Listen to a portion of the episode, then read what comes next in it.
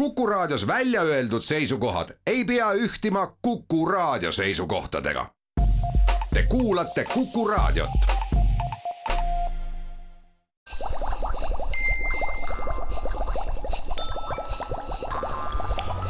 kukkuv õun head Kuku kuulajad, Kuku Õun eetris. sedapuhku võtame me pärast juba kolmandat saadet, kus me käsitlesime tehisintellekti ja kõnerobotit ja selle tegevust, ette meie riiklikud teaduspreemia saajad, kelle hulgas esimene, kes ette jäi, ongi aasta õim, kes on ka keeleteadlane ja selles mõttes nii-öelda igati haakub meie kõnerobotite sarjaga, noh küll mitte otse, aga kaude, keele kaudu. tere, Asta! tere! viimane amet oli teil Eesti Kirjandusmuuseumi vanemteadur keelevaldkonnas ja enne seda olite te kriitilistel aegadel, üheksakümne teisest kuni kahe tuhandenda aastani Eesti Keele Instituudi direktor. see oli see aeg, kus ma kujutan ette, eesti keele küsimused pärast sellist pikka vene aega olid uuesti päevakorda tõusnud. kas sellest ajast on mäletada midagi täiesti sellist omapärast või kogu see asi, mis toona teha tuli, oli täiesti pöördeline? Minu meelest olid need nii pöörased ajad, et sellest unetutel ööldel, ööldel mõeldes võiks, on vaimusilmas juba kriminaalromaan. isegi nii, isegi ja... nii. aga miks me ei loe seda veel? ei ole mahti saanud, teadustöö on seganud.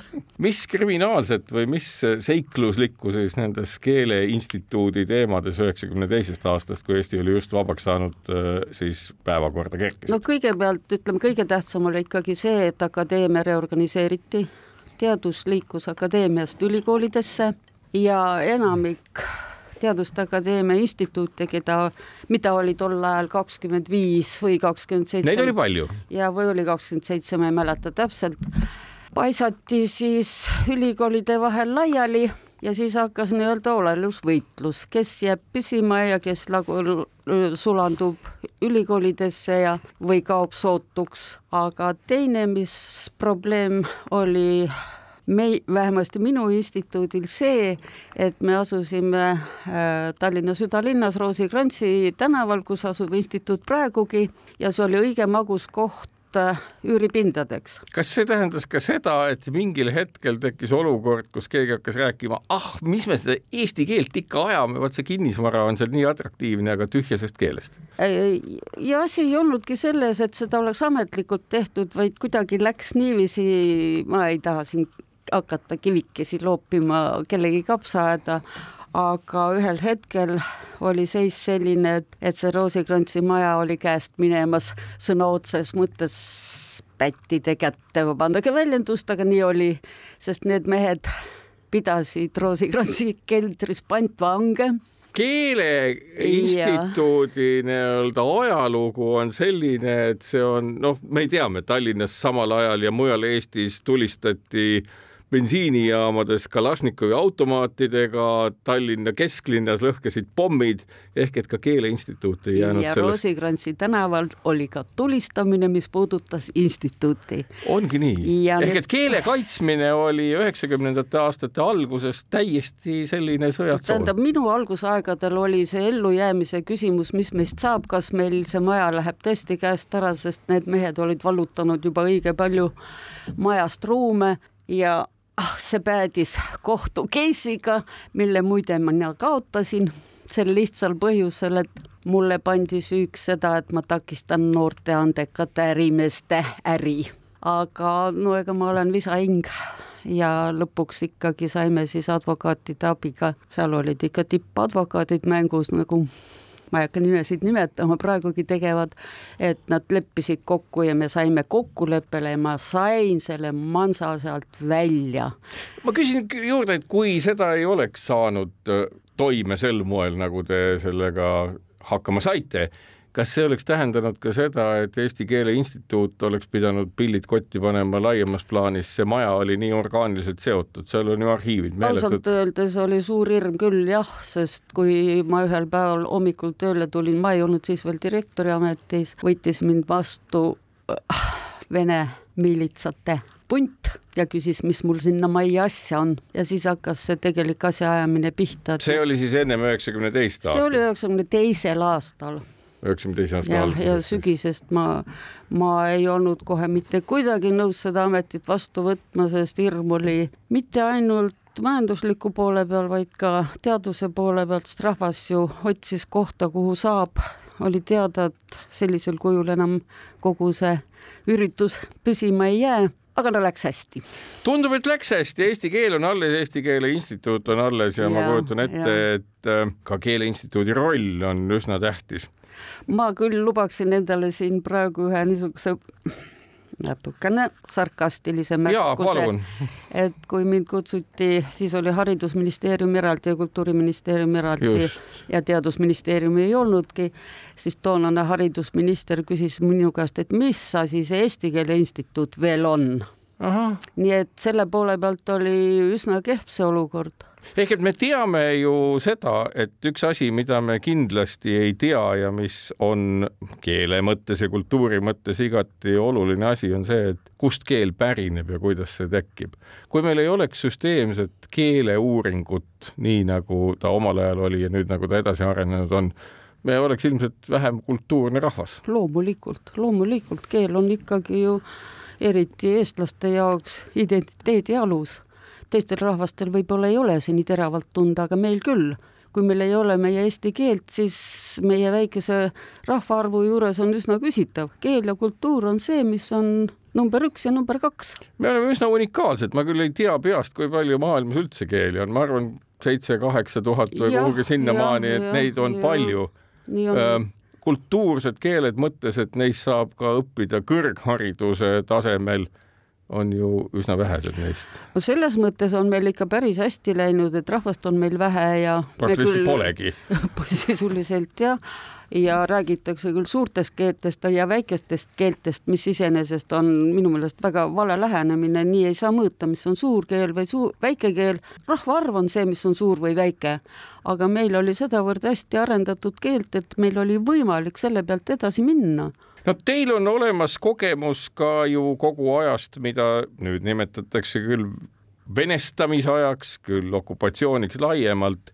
mil moel nägi siis välja, ma kujutan ette, et see ei olnud üldse harv, kui püüti ka eesti keelt lämmatada ja summutada ja selle kasutamist vähendada siis äh, ajal, kui te olite loomevõime tipul, ma arvan, et see ei ole ka praegu kadunud, aga just nimelt oma entusiasmiga vahetult nii-öelda harituna selles valdkonnas, kuidas see asi välja nägi siis? tähendab, võib-olla üks äh, keerulisemaid oli tuhat üheksasada seitsekümmend kaheksa, kui olid mingisugused poolsalajased otsused, mis nendest nii-öelda vennasrahvaste keeltest saab. Ja siis oli üsna tugev surve surve kõigile nendele keeltele ja eriti puudutas see muidugi oskuskeelt, terminoloogiat. teatavasti ju vene ajal oli suhtumine selline, et terminoloogia käib sedamoodi, et, et vene tüvi ja omakeelne lõpp või liide seal otsas ja see ongi see termin, aga peab ütlema, et Eestis ja Lätis ja Leedus siin ikka pandi seljad kokku ja, ja termini asju ja oskuskeelt hoiti ikka väga hästi ja arendati väga hästi, nii et äh, uhkusega peab ütlema, et meil on nii hea oskuskeel äh, Vene ajast veel alles. ma just mõtlen endagi mälestusi keemiast, füüsikast, matemaatikast, kus väga paljud asjad olidki eestikeelsed, mitte mingid laenud nüüd on see olukord mõnevõrra muutunud, kus terminoloogiaga tegeletakse üsna laisalt ja sageli on see terminiloome nüüd küll mitte venekeelne, aga näiteks inglisekeelne ja Eesti liidi järel. et äh, kas see on probleem? ma ei ütleks küll niiviisi, äh, ma seda küll nii ei ütleks. Äh, asi on selles, et kui, kui muutub ikka ühiskonna, ühiskondlik formatsioon siis me kujutame ette, millise laviini toob see kaasa uusi mõisteid. No mis Eestiga ja kõigi ka teiste endiste liiduvabariikidega juhtus, meile tuli uus pangandusterminoloogia, uus turundusterminoloogia, uus majandus, seda oli niivõrd palju, et pole siis ka imeks panda, et tuli hästi palju laenulist oskuskeelt sisse, aga minu meelest on seda üsna hästi ohjes hoitud ja ei, patt oleks vist kurta. No,. iseasi so, on kasutamine jaa, sellepärast, et soomlased leiutavad endakeelseid termineid ikka väga kiiresti ja neil on kuidagi see loomuomane, et nad võtavad selle väga-väga kiiresti kasutusse. Neil oli ka pikk aeg selle, seda teha ja, ja rahulikult teha, aga meile tuli see ju nagu paisu tagant ja korraga. aga ma, ma ütleksin küll, et meil on päris hästi sellega. iseasi, et meil eriti kui meedias sõna võetakse ja need kirjutajad või kõnelejad ei viitsi vaadata või pole neil aega vaadata, kiire, kiire, kogu aeg on kiire, tegelikult on keeles asjad olemas, aga, aga minnakse seda kergema vastupanu teed ja siis võib jääda mulje, et, et puhta inglisekeelne ongi meie oskuskeel, ei ole tegelikult. kas eestlased on head sellises sõnaauses osalejad ja sõnade leiutajad? eestlased, peab ütlema, on erakordselt osavad sõnaloomes kui võrrelda nüüd neid äh, sõnavõistlusi, mis on korraldatud, siis sinna osalejaid on tuhandetes. pakutakse, kui ikka kolm tuhat osalejat on ja igaüks pakub mitu asja, siis see on väga suur hulk igasugust keelevara, millest tuleb muidugi välja sõeluda seda, mis, mis läheb ja mis ei lähe ja selles mõttes mm, on inimesed, keeleinimesed, kes oskavad öelda, mis, mis on, mis sobilik ja mis läheb keelesüsteemiga kokku ja, ja, ja paslik kasutada. Ja on päris häid sõnu ju saadud. See mõõdab meil mida, et eestlased ikkagi armastavad oma keelt, et ei Mit, taha sellest loobuda. mitte ainult ei armasta, vaid ka osalevad selles, et see areneks ja, ja sõnavara täieneks siinkohal teeme saatesse ka väikese pausi ja olge hea, kuulake meid pärast vaheaega uuesti. kukkuv õun head Kuku kuulajad, Kuku Õun jätkub saates külas keeleteadlane ja riikliku preemia saaja aasta õim, mina saatejuht Marek Strandberg. jõudsime sinnamaani, et äh, eestlased on väga head oma keele edendajad. kas teil endal oma pika töö ja teadustöö jooksul on hakanud tekkima arusaam sellest, kust ja kuidas keel tekib? ükskõik milline keel, eesti keel või mingi muu keel? Te mõtlete praegust äh, sõnavara laiendamist? sõnavara, mõisted mida... ja üldse, et nagu mis on keele päritolu, et kuidas esiteks keeli on nii palju ja, ja kuidas nad algselt tekivad, mis asi see on, mis paneb inimese keeleleiutajaks? no ma arvan sellepärast, et äh, inimene on ju siin kõige mõõdupuu. Ja see, mis inimest ümbritseb, sellega ta ennast seostab, tal on vaja leida sellele mingi keeleline väljendus, et teisele ennast selgeks teha. Ja nii lihtne see ongi. ja põhimõtteliselt ju, mida rohkem me seda maailma tundma õpime, mis meid ümbritseb seda rohkem on mõisteid, millele on vaja sõnalist katet. ehk et käega vehkimisest või ümisemisest Enam ei piisa ja me oleme selles evolutsiooni ajas, ma ei tea, kui pikk see on, miljon aastat no või just. õppinud nagu ära kasutama seda, mis, mis meil, mis meil on, on.. ja, ja meil on häälepaelad hoopis teistsugused ja kui teistel. kui asi oleks selles, et meil oleks vaja igale mõistele leida omaette sõna, siis neid sõnu oleks nii palju et mitte keegi ei suudaks seda keelt ju ära õppida, isegi mitte emakeelena, vaid see asi käib palju kavalamalt. kui on uus mõiste, siis paratamatult hakkavad tekkima seoseid ja seosed, seost otsitakse sellega, mis on olemas ja kantakse nagu see, mida me teame, üle sellele, mida me veel ei tea, ehk konk konkreetselt konkreetse asja tähistaja kantakse üle abstraktsesse maailma ehk antakse talle seal uus tähendus kas see on see, mida me eesti keeles ju ka aeg-ajalt aimame või tunnetame, et kui keegi on minust vasakul ja lähedal, siis ma ütlen, et ta on minu kõrval, seostades selle ära kõrvaga. Kui keegi on minu lähedal, no lihtsalt mingis raadiuses, siis ma ütlen, et ta on minu juures, samastades ennast natukene nagu puuga või, või et ta on minu juurte juures. et kas see tähendabki seda, et see keel nagu sellisel moel nagu formeerub, täieneb ja muutub aina täpsemaks? nii nagu ma ütlesin, keskne on inimene ise ta mõõdab iseenda järgi, oma kehaosade järgi, oma paiknemisega. kui me ütleme, et millegi peal, siis me mõtleme seda, pea on meil kõige ülemine yeah. kehaosa ja kui siin peal, siis me enam ei mõtle, et laua peal, et see on seotud peaga, aga ometi see nii on. aga kui me natukene läheme kujundlikuma keele poole, siis me ütleme nina all väga lähedal. kas kõikides keeltes on see genees toimunud enam-vähem samamoodi, et me näeme igas kui keeles, igas kui kultuuriruumis omamoodi defineeritud inimese keskset nagu sõnastamist? jah, see on nii, need on, me nimetame neid konventsionaalseteks mõistemetaforideks ja need on universaalsed. tähendab, inimene mõtleb iseendast näiteks, et ta on taim või ta on puu või ta mõtleb, et ta on või et elu on näiteks teekond või et tema tund-, emotsioonid asuvad südames ja sellised mõistemetafoorid on väga üldised ja selles mõttes on keeled väga sarnased. Anna Vespitska on selle kohta juba oma viiskümmend aastat tagasi öelnud, et keeled on üllatavalt rohkem sarnased, kui me iial oleme osanud seda arvata. kas tõlkijad on selles mõttes nagu väga geniaalsed inimesed, kes paljusid keeli oskavad, et nad taipavad nagu selle keele olemuse ära ja siis on neil kõik nagu väga lihtne? asi ongi selles, et need inimesed oskavad tõmmata seoseid selle vahel, mida ta teab ja selle vahel, mida ta ei tea. ja see tuleb väga kergesti välja, et paljud asjad on väga sarnased, sest vaadake, maailm ju, kus me toimetame, on ju üks meie kõigi jaoks.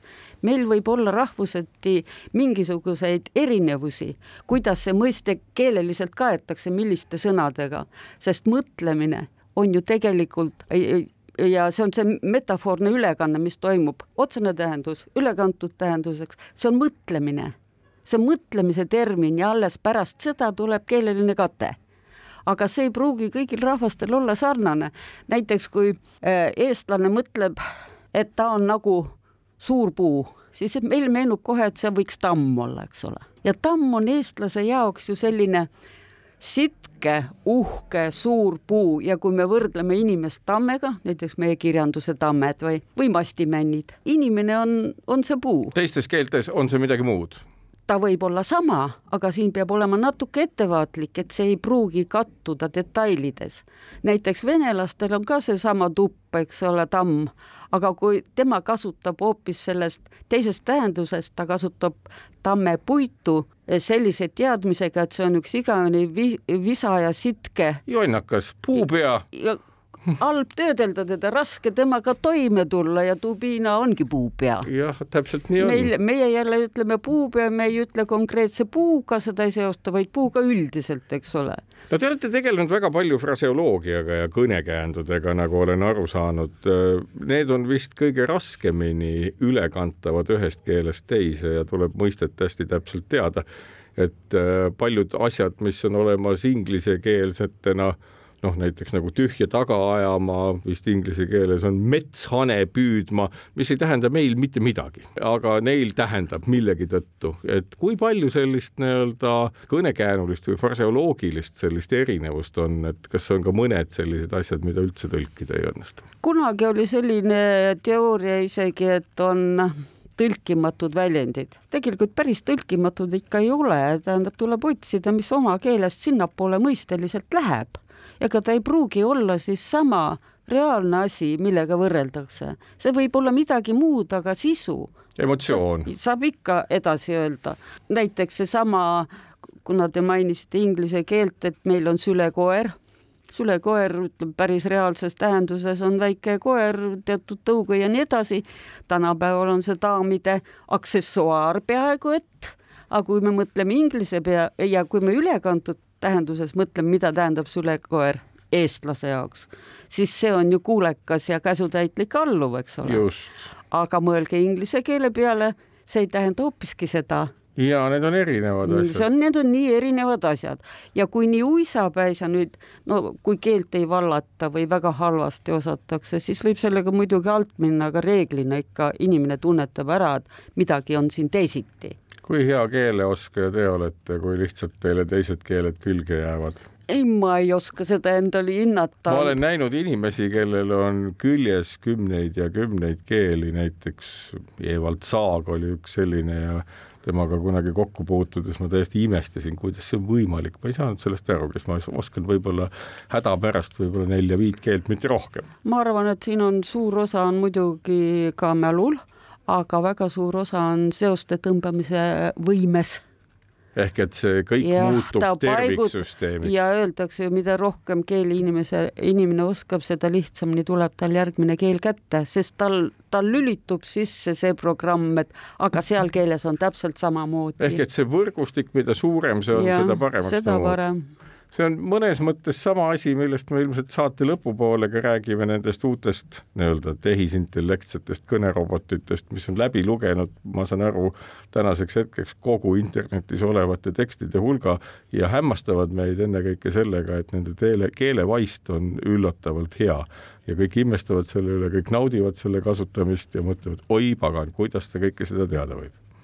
Aga sellepärast võib, et enne on ette valmistatud materjal, mille põhjalt ta saab seda teha nüüd ma mõtlen veel ühte asja sellest keeletehnoloogiast, me räägime veel pärastpoole edasi ja kiire küsimus, eesti keel on ju ka ajas muutunud, et kui me loeme siin sajanditaguseid või veel kaugemaid tekste, need tunduvad nagu väga puistena ja selliste nii-öelda konarlikena, vähemalt meie tänases mõttes, et meile tundub, et meie keel on kuidagi lihvitum, kas see on nii? no kahtlemata, kui me võrdleme kas või eelmise sajandi alguse eesti keelt, kas me loeme raamatuid või lehti, siis meile tundub see natuke naiivne või kuidagi selline lihtsustatud. loomulikult keel areneb kogu aeg ja mitte ainult sõnavara, vaid, vaid ka väljendus muu grammatika osas, ilma et nüüd põhitõed muutuksid väga. Aga kahtlemata on seal väga suur vahe, miks meile tundub, et väliseestlased, kes tegelikult valdavad väga hästi eesti keelt ja on säilitanud ka ütleme, intonatsiooni isegi, aga ikkagi see keel tundub meile Võõras. nagu, nagu ei ole päris see. see oli nagu minu isa, kes tuli äh, Siberi vangilaagrist tagasi, ta oli suur lugeja ja sinna kahjuks ei saanud muukeelseid, muukeelset lugemisvara ta kätte, ainult venekeelsed, tuli tagasi ja ütles, et loen ja mõtlen, on eesti keel ja ei ole eesti keel see tähendab, mõnekümne aastaga oli eesti keel no ilmselt põhiliselt sõnavarasa, võib-olla ka näiteks grammatikas sõnajärjed ja muud sellised asjad olid sedavõrd muutunud, et talle tundus see keel võõras. aga nagu me mäletame, sel ajal ju tuli tohutu laviin kommunistlikku sõnavara, kolhoosi asjad, partei asjad, kõik see oli meile võõras ja seal oli palju isegi, kui need sõnad ei olnud laenatud vene keelest, nad olid ikkagi meie kasutusele. Nad ei olnud meie sõnad. siinkohal teeme saatesse väikese pausi ja kuulake meid pärast vaheaega edasi.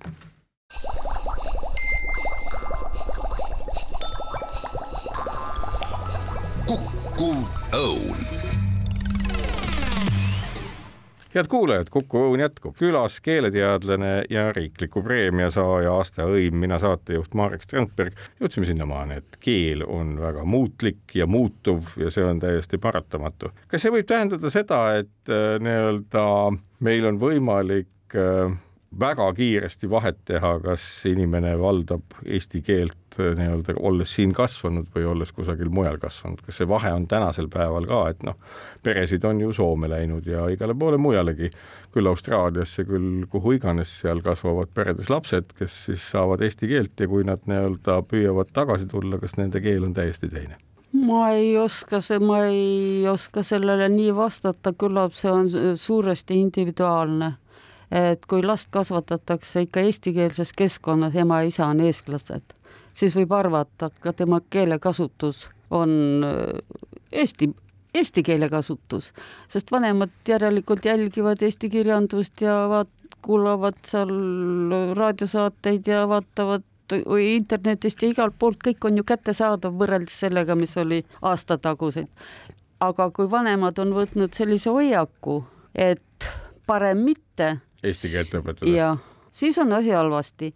kunagi ma käisin Luksemburgis Eesti koolis, oli keelepäev ja seal õpetaja ütles, et kõige suurem probleem on lastega, kus äh, ema ja isa on eri rahvusest, nad pole leidnud äh, ühist suhtluskeelt, mida mõlemad korrektselt valdavad. räägitakse mingit kolmandat räägitakse nii-öelda... mingit kolmandat keelt, noh, ütleme prantsuse keelt või, või ühesõnaga see kõik lihtsustub. Ja lapsed koolis Need olid, see oli eesti kool, lapsed pandi eesti kooli, et nad säilitaksid keele. Ja kui need lapsed käisid suvel vanavanemate juures Eestis ja tulid tagasi, siis see koolidirektor ütles, et läks kaks kuud enne, kui saime kooli joone peale. Need lapsed olid täielikus segaduses, nad olid nagu harjunud eesti keelega Eestis rääkides, tulid koju, nad kodus seda ei kasutanud, aga õppimine oli eestikeelne ehk et ikkagi niimoodi, et kui keeli on, siis olgu neid palju ja selgelt räägitud, et sellist nii-öelda poolkeelsete tekstide vahendamine tekitab konarliku mõtlemise ja kõige muu ja mõtlemise ja mõjub lõppude lõpuks ka lastele häirivalt nende käitumised ei olnud enam sellised nagu, ühesõnaga see laps ei teadnud, kus ta kuhu ta paigutub, kes Ehk, ta siis on? et see on ikkagi niimoodi, et kui keelt üldse ei ole omandanud nagu paljude selliste loodusest leitud nii-öelda mauglitega on juhtunud, et ega nad hiljem seda juurde ei omanda ja keel peab olema omandatud ikkagi noorest peast ja võimalikult detailselt ja täiuslikult ja autentsest allikast. asi on selles, et me, kui me omandame keelt, ütleme, laps õpib rääkima, siis kõigepealt tema esimene asi, mida ta kasutab keele õppimisel, on matkimine, nii nagu räägivad eesvanemad. Ja ta omandab selle matkimise käigus juba teatud stereotüübid, teatud, teatud väljenduse. Ja ta võib täiesti vabalt ja ilusasti kasutada ka kujundlikku väljendust, sest ta, ta on seda kuulnud ja lõpuks ta omandab kõik nüansid ja. ja ta ei tajugi seda nii, et ta peaks nagu mingisugust teoreetiliselt asja arendama, ta on omandanud selle loomulikus keskkonnas. kui laps hakkab õppima võõrkeelt, siis tal on ju palju raskem omandada selliseid noh, lihtsaid asju nagu kasvõi see, et ma annan sulle aita-aita. jah, seda on tõlkida üsna raske. ma nüüd mõtlengi seda, et kui nüüd tulla keeleõppe juurde ju siis ongi nagu niimoodi, et äh, sageli öeldakse, et oi, et äh, kui on palju keeli kodus, et siis on raske, vastupidi, et kui on palju autentseid keeli, siis laps omandab nad kõik ju. sel juhul, kui näiteks ma olen küll olnud perekonnas, kus ema räägib alati ainult ühte keelt ja isa räägib teist keelt ja lapsed on nii harjunud, et nad räägivad mõlemat keelt oma vanematega puhtalt. jah ilma vigadeta. aga kui on nii, et kord nii, kord naa, siis ta ei lülita ennast niiviisi ümber, nagu ta suheldes ta teab, et emaga käib nii ja isaga käib nii ja võib-olla hea küll vanaemaga veel kolmandat, kolmandat moodi. mul oli lasteaias selline kogemus, et Eesti lasteaeda tuli üks, minu pojaga koos tuli üks tüdruk, kes oli vene laps nelja-aastased või, või, või oli kolmenegi veel ja temal oli niiviisi, et nii kui tema lasteaia uksest sisse astus, mul oli selline tunne, et ta vajutas nuppu ja nüüd ta oli eestlane ongi nii? jah, see iga kord ma imestasin, et kuidas on see võimalik ja nii oli. ehk et see, mida me praegu ka kõrvaga kuuleme, et kõikides nendes koolides, kus on nii-öelda formaalselt vene kool ja kus õpetatakse eesti keelt ja see eesti keel on kuidagi noh, tuntavalt konarlik väga sageli me tajume seda, mida on inimesed öelnud, et kui teenindaja on venekeelne näiteks pangas või kus iganes, emakeelena venekeelne, aga eesti keelt oskab, siis näiteks mingid naljad jäävad neil mõistmata ja nii edasi, et ühesõnaga see poolekeelsus on täna meil nii-öelda kultuuris ikkagi probleemiks. asi on ka selles, et mulle tundub, et meie keeleõpetus, tähendab, ma ei mõtle emakeeleõpetust, vaid ütleme eesti keel kui võõrkeelena, et seda õpetatakse kuidagi liiga grammatikakeskselt. lapsel oleks vaja teada mängulist kas just mängima ei pea alati, aga see peab olema nagu loomulik suhtlemine. no kujutada ette, kui neljanda klassi laps ei suuda tõmmata paralleeli isegi sellega, kui ta käest küsida, et kui ma ütlen sulle, et valge nagu, mis sa sinna lõppu kirjutad, neljas klass, need on suured lapsed. Ja ta vastab mulle nagu külmkapp, mis iseenesest ei ole vale, aga tal ei teki absoluutselt sellist seost, et lumi, pilved. luik, pilved, mida iganes, tähendab, ta on seda, seda pole talle kunagi räägitud, et selline asi on kui palju eesti keeli üldse olemas on, et kas me ütleme, et võro ja seto ja kõik muud keeled on keeled või need on dialektid või mis on keeleteadlase no, tänane arusaam? see on nüüd nii, nii valus küsimus. ma tean, sellepärast ma küsingi, huvitav teada.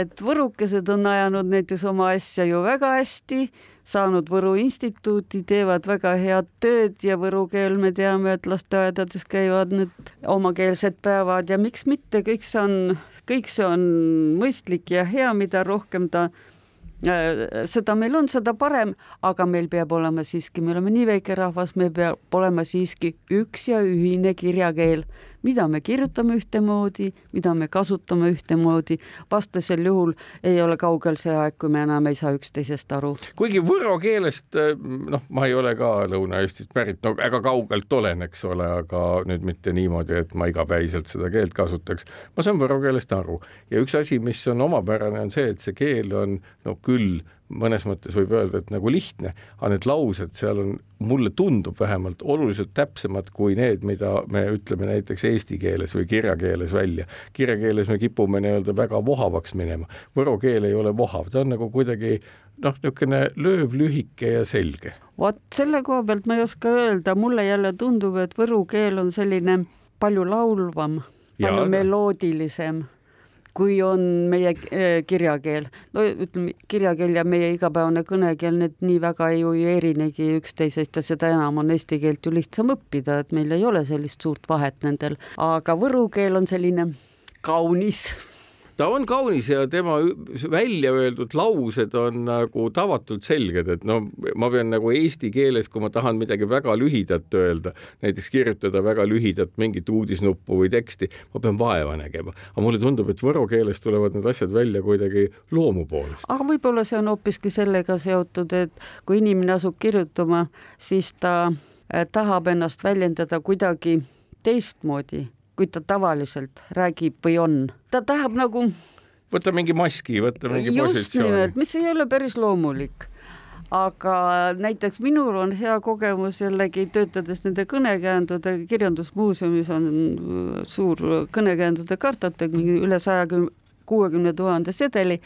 Ja seal on kaastekste nendelt, kes on mingit asja rääkinud või olnud, et ah, nüüd need inimesed enam ei viitsi, ei viitsi äh, kasutada rääkida nii, nagu vanasti oli. vanasti me ei ütelnud midagi otse, me ütlesime ikka mõistu ja targu. aga see vanasti oli siis nii-öelda vanasti oli selle vana inimese mingi lapsepõlvest või kust talt see päritud oli, et me ikka ühesõnaga, ta kasutas tegelikult siis kujundlikke. kas see kujundlikkus tegelikult tekitab ka kuulajas nagu vajaduse natukene oma aju vaevata, et aru saada, mida siis täpselt ikkagi öeldi, et see mõistukõne ju noh, mõnes mõttes oldi mõistukõnega harjunud ju kogu nõukogude aja, kus öeldi. see ei ole see mõistukõne. see ei ole see mõistukõne, aga et kas see mõistukõne nagu iseenesest, kui me jätame selle nõukogude aja välja ja võtame muistsete eestlaste mõistukõned, nii nagu meie vanavanemad võib-olla ja vanavanavanemad nagu seda tegid, et kas see oli siis nagu selline, et noh, mõistatusi oli rohkem rohkem, et vaata, kuidas ei, sa toime see tuled. oli, see tuli ilmselt sellest, et, et inimestevahelised, inimesed elasid tihedamini koos, eriti maal. ega siis naabrimehega ei olnud vaja tülli minna või naabrinaisel teise naisega tülli minna, aga öelda oli tarvis ära midagi ja, ja ütlemata ka ei saanud jätta natukene... ja siis vigurdati, vigurdati mõnusalt. ehk aasimine küllaltki kultuursel moel ja, ja näiteks ei vaevatud ennast sellega, et ütelda, et miski on miskit värvi, et see on niisugune punakas, lilla või ma ei tea, mis asi. Silmapilk võrrelda millegiga. see on nii, nagu see meie aiatagune tikripõõsas seal või mingi selline, siis öeldi mingi, ühesõnaga võrreldi mingi sellise asjaga, mis oli nagu kõigile teada. Ja sealt see tuli siis selline, et me ei rääkinud ere punane või ma ei tea, Sitik Must siinkohal teeme saatesse väikse pausi ja kuulake viimast saateosa pärast väikest vaheaega. kukkuv õun. head kuulajad, Kukkuv õun jätkub meil külas teaduspreemia saanu aasta õim, keeleteadlane, mina saatejuht Marek Strandberg ja jõudsime sinnamaani, et äh, miks olid muiste ja kui ulatuslikult olid siis kõikvõimalikud kõnekäänud või sellised fraseoloogilised trikid kasutusel. see tegi tegelikult keele ju rikkamaks, et noh, nii-öelda ta ikkagi rikastab, et kui sa pead nagu igat asja, mis sulle öeldakse, natukene nii-öelda vaevalisemalt nagu seostama, siis sa oled tähelepanelikum Need ei ole trikid, vaid see on loomulik keel. see on loomulik keel. see on loomulik keel. miks, miks öelda vahel igavalt, et ah, ma jätan selle sinnapaika või loobun sellesse, vaid ma ütlen, ma viskan püssi põõsasse, mulle aitab ja korra... täna enam väga paljud ei ütle ju niimoodi, et ei tõuse püsti, ütlevad nüüd ma viskan püssi põõsasse. aga lugege Postimeest. no seal ei ma.... ma ükskõik, kus ma käin rääkimas või esinemas, ma kõik näited võtan alati viimasest Postimehest. ja seal on neid palju igas artiklis ma midagi pidasingi pigem silmas seda, et noh, koosolekut keegi ei lõputa lõp, no, lõpeta niimoodi. üks asi on kõnekeel, teine on kirjakeel, aga ka.... aga kirjakeel on meil täna õnneks rikkalik. väga rikkalik, eesti, eesti keel on väga mõnusalt rikkalik, rikas keel ja äh, tundub, et nagu Postimehes ju aina nooremad ja nooremad kirjutajad, et nad on selle nagu mõnuga omaks võtnud või? mina jälle kuna ma tegelen just sellise kujundliku väljendivaraga, siis ma vahel mõtlen, no kuulge, mitu korda võib nüüd või mitme, miks nüüd mitmekümnendat korda ikka seesama väljend, vaadake korraks paar hiireklikki ja te saate palju mõnusamaid veel.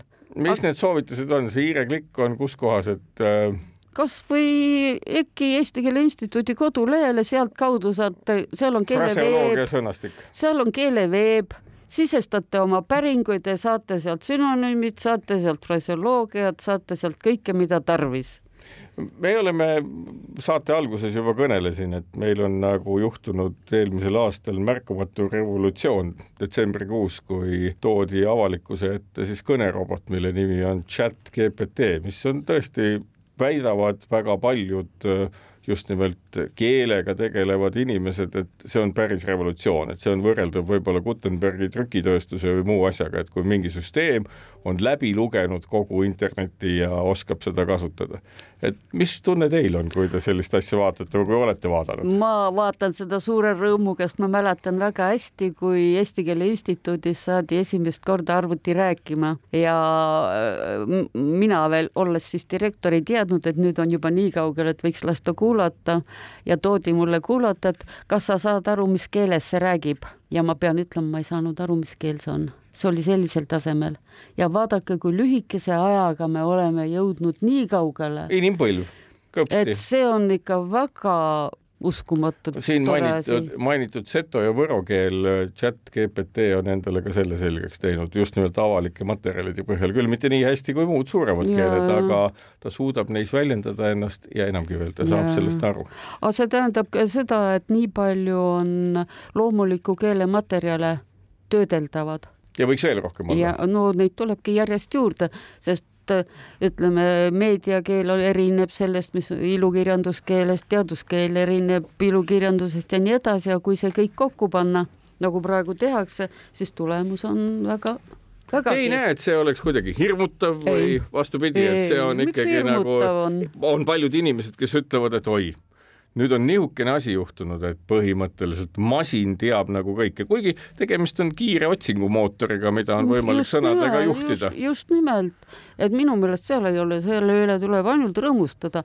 mõtelge, kui hirmus oleks, kui inglased teeksid selle ära ja meie ei saaks isegi oma kodumasinaid eesti keeles rääkima. no praegu vist saame, praegu on see just õnneks nimelt. niimoodi, et on äh, ka kaovad keelebarjäärid ära, tundub, et nii-öelda kui vaadata viimase aja ka neid masintõlkeid, siis noh, kui mõned apsakad välja jätta, siis võrreldes kümne-viieteist aasta taguse ajaga, kui need olid päris naljakad, on muutunud kõik asi täitsa ju korralikuks. sisu saab kätte täpselt, iseasi, et ei pruugi saada täpselt nüansse kätte, aga sisu saab täis ma saan aru, et nüansid on ka aja küsimus, kuni, kuni kogu see masinavärk õpib. just nimelt, et see on küll, see on küll nüüd asi ja ma pean ütlema, aeg-ajalt isegi tuleb mul meelde see hirm, et me jääme maha et me jääme sellelt rongilt maha, et meie keeletehnoloogia ei, ei jõua nii kiiresti edasi, kui on vaja, kui jõuavad suured ja rikkad riigid oma keeletehnoloogiatega. aga tänaseks ei ole siin ka kurta midagi. ma saan aru, et keel õnneks on nii universaalne, millest me ka alguses rääkisime, et kui ühes keeles juba asjad toimivad hästi ja kui ütleme, ühes keeles piltlikult öeldes kogu internet läbi lugeda ja keele omadused ja ennustatavus sealt välja tuletada, siis see kehtib kõigi keelte kohta. asi on selles, et iga keel, ükskõik milline ta on, ta on niivõrd süsteemne, ta on nagu loodus, nagu Einstein on öelnud, et loodus on nii süsteemne, et teadlase asi on üritada seda kuidagi lahti muukida mingi, mingeid asju. Ja keel on täpselt samasugune, ta on niivõrd süsteemne, nii, nii selge, et teadlaste asi on see lahti muukida ja panna e-, enda kasuks tööle nüüd keeltest arusaamine, Eestis on üks väga omapärane tegelane, kelle nimi on Indrek Park, kes käib äh, harvasid keeli, mida vähe räägitakse üles kirjutamas ja taastamas. see on oluline tegevus vist, et me saaksime keeltest üldse üldiselt aru. jah, sest ma olen,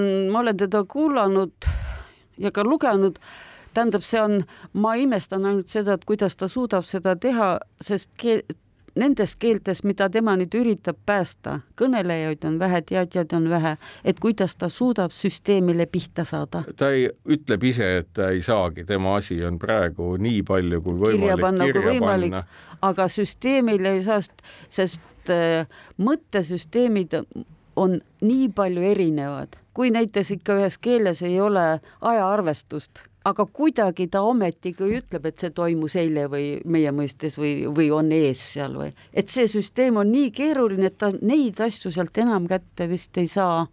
milline on tänasel hetkel, kui siin lõpetuseks rääkida veel kõige ütleme, omapärasem kõnekäänd, mis on teile ette jäänud, millel ei ole täna üldse mingit kohta keeles ja mida on täna isegi raske mõista, kas on mõni niisugune mälus hoopis, see oleks päris huvitav.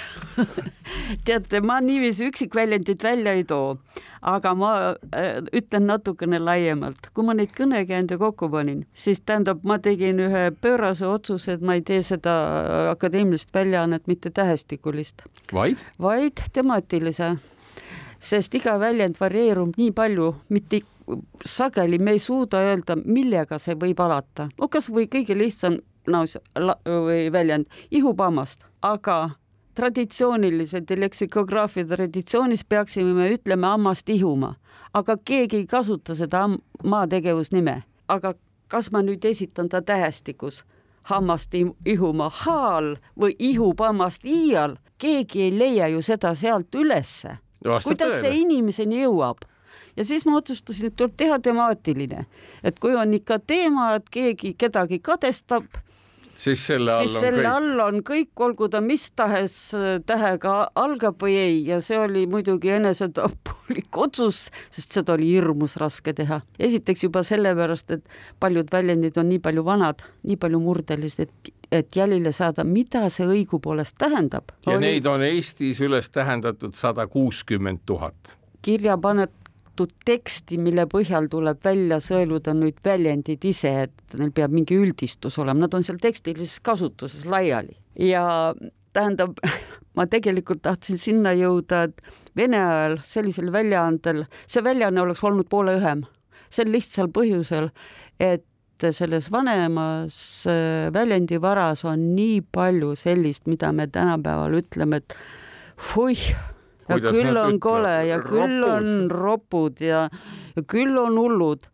aga me ei anna endale aru ka sellest, et ega vanasti ei olnud siis ropp sõna see, mis meil tänapäeval ropp on, väga paljud ei ole. teiseks on seal väga palju sellist äh, no, poliitilist asja meie lähinaabrite kohta sellist asja, mis ei oleks tulnud kõne allagi, et selliseid väljendeid sinna sisse jääda et sa jeerum, jeerum, kuidas me oleme oma suure naabri, suurt naabrit iseloomustanud, see oleks kõik välja jäänud ja täna on need seal õnneks sees. loomulikult ja kõik on sees ja ka sees. need ropud asjad on sees, täiesti teadlikult on nad seal sees, see on meie eesti keele vara. ega see ei tähenda seda, kui nad on seal kirjas, et muudkui kasutage valimatult. aga selleks ongi temaatika, et vali endale õigesse teksti see, mis sinna sobib tahad kellelegi inetult öelda, palun kasuta seda, tahad kirjakeelt kirjutada, palun kasuta seda. inimene peab mõttega ju, inimene ju kirjutab, ta mõtleb ja kui tal on valik ees, tal on ju lihtne sealt valida, kui ta peab ise tuletama ja otsima, siis ta ei leia seda nii kergesti. ja kõnekäändude rohket teksti on mõnusam lugeda. loomulikult, ta on lihtsalt, ta on, ta on õhulisem, ta on mõnusam vastu võtta noh, kui ei kasutata just väga selliseid väljendeid, mis, millest aru ei saa. nagu näiteks, millest ma tahtsin küll rääkida, on see, et, et igal rahval kujuneb välja ikkagi oma selline mõtlemine ja, ja need mõtteseosed, mis tekivad ja kui seda seost meil ei ole, siis me, kui me laename teisest keelest, me ei saa aru, mida see tähendab. kui meil üldse ei teki seost, võtame selle viimase lumehelbekese mina eestlasena mõtlen, et kuidas ma mõtlen lumehelbekeseks, üks kerge valge mingi asi. no hea küll, vaimusilmas ma võin veel öelda, et baleriinid olid nagu lumehelbekesed seal lava peal ja see on ka kõik. aga meid sunnitakse kasutama seda ju tähenduses, et see on mingi potilill või hellik või ära helitatud ja eluvõõras noor inimene loomulikult ma lõpuks võtan teadmiseks ja nüüd ma tean, mis see sõna tähendab, aga see ei ole meile omane. ja ma see arvan, on et... sisse toodud ja väga vägisi jõuliselt, asjatult sisse toodud, meil on endal küll väljendeid. potilill. noh, aga miks mitte lilleke? või lilleke. või hellpill või seal on neid, oh, sealt on neid, kui palju veel, mis ei ole nii tuttavad, aga meil on olemas neid, miks me võtame sellise võõra? aitäh Asta Õim tulemast Kuku Õuna saatesse rääkima keelest, keeleseostest ja kõigest muust, veel kord suured õnnesoovid riigipreemia saamisel.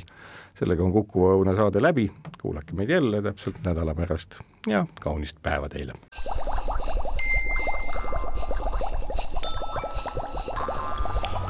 Kuku Õun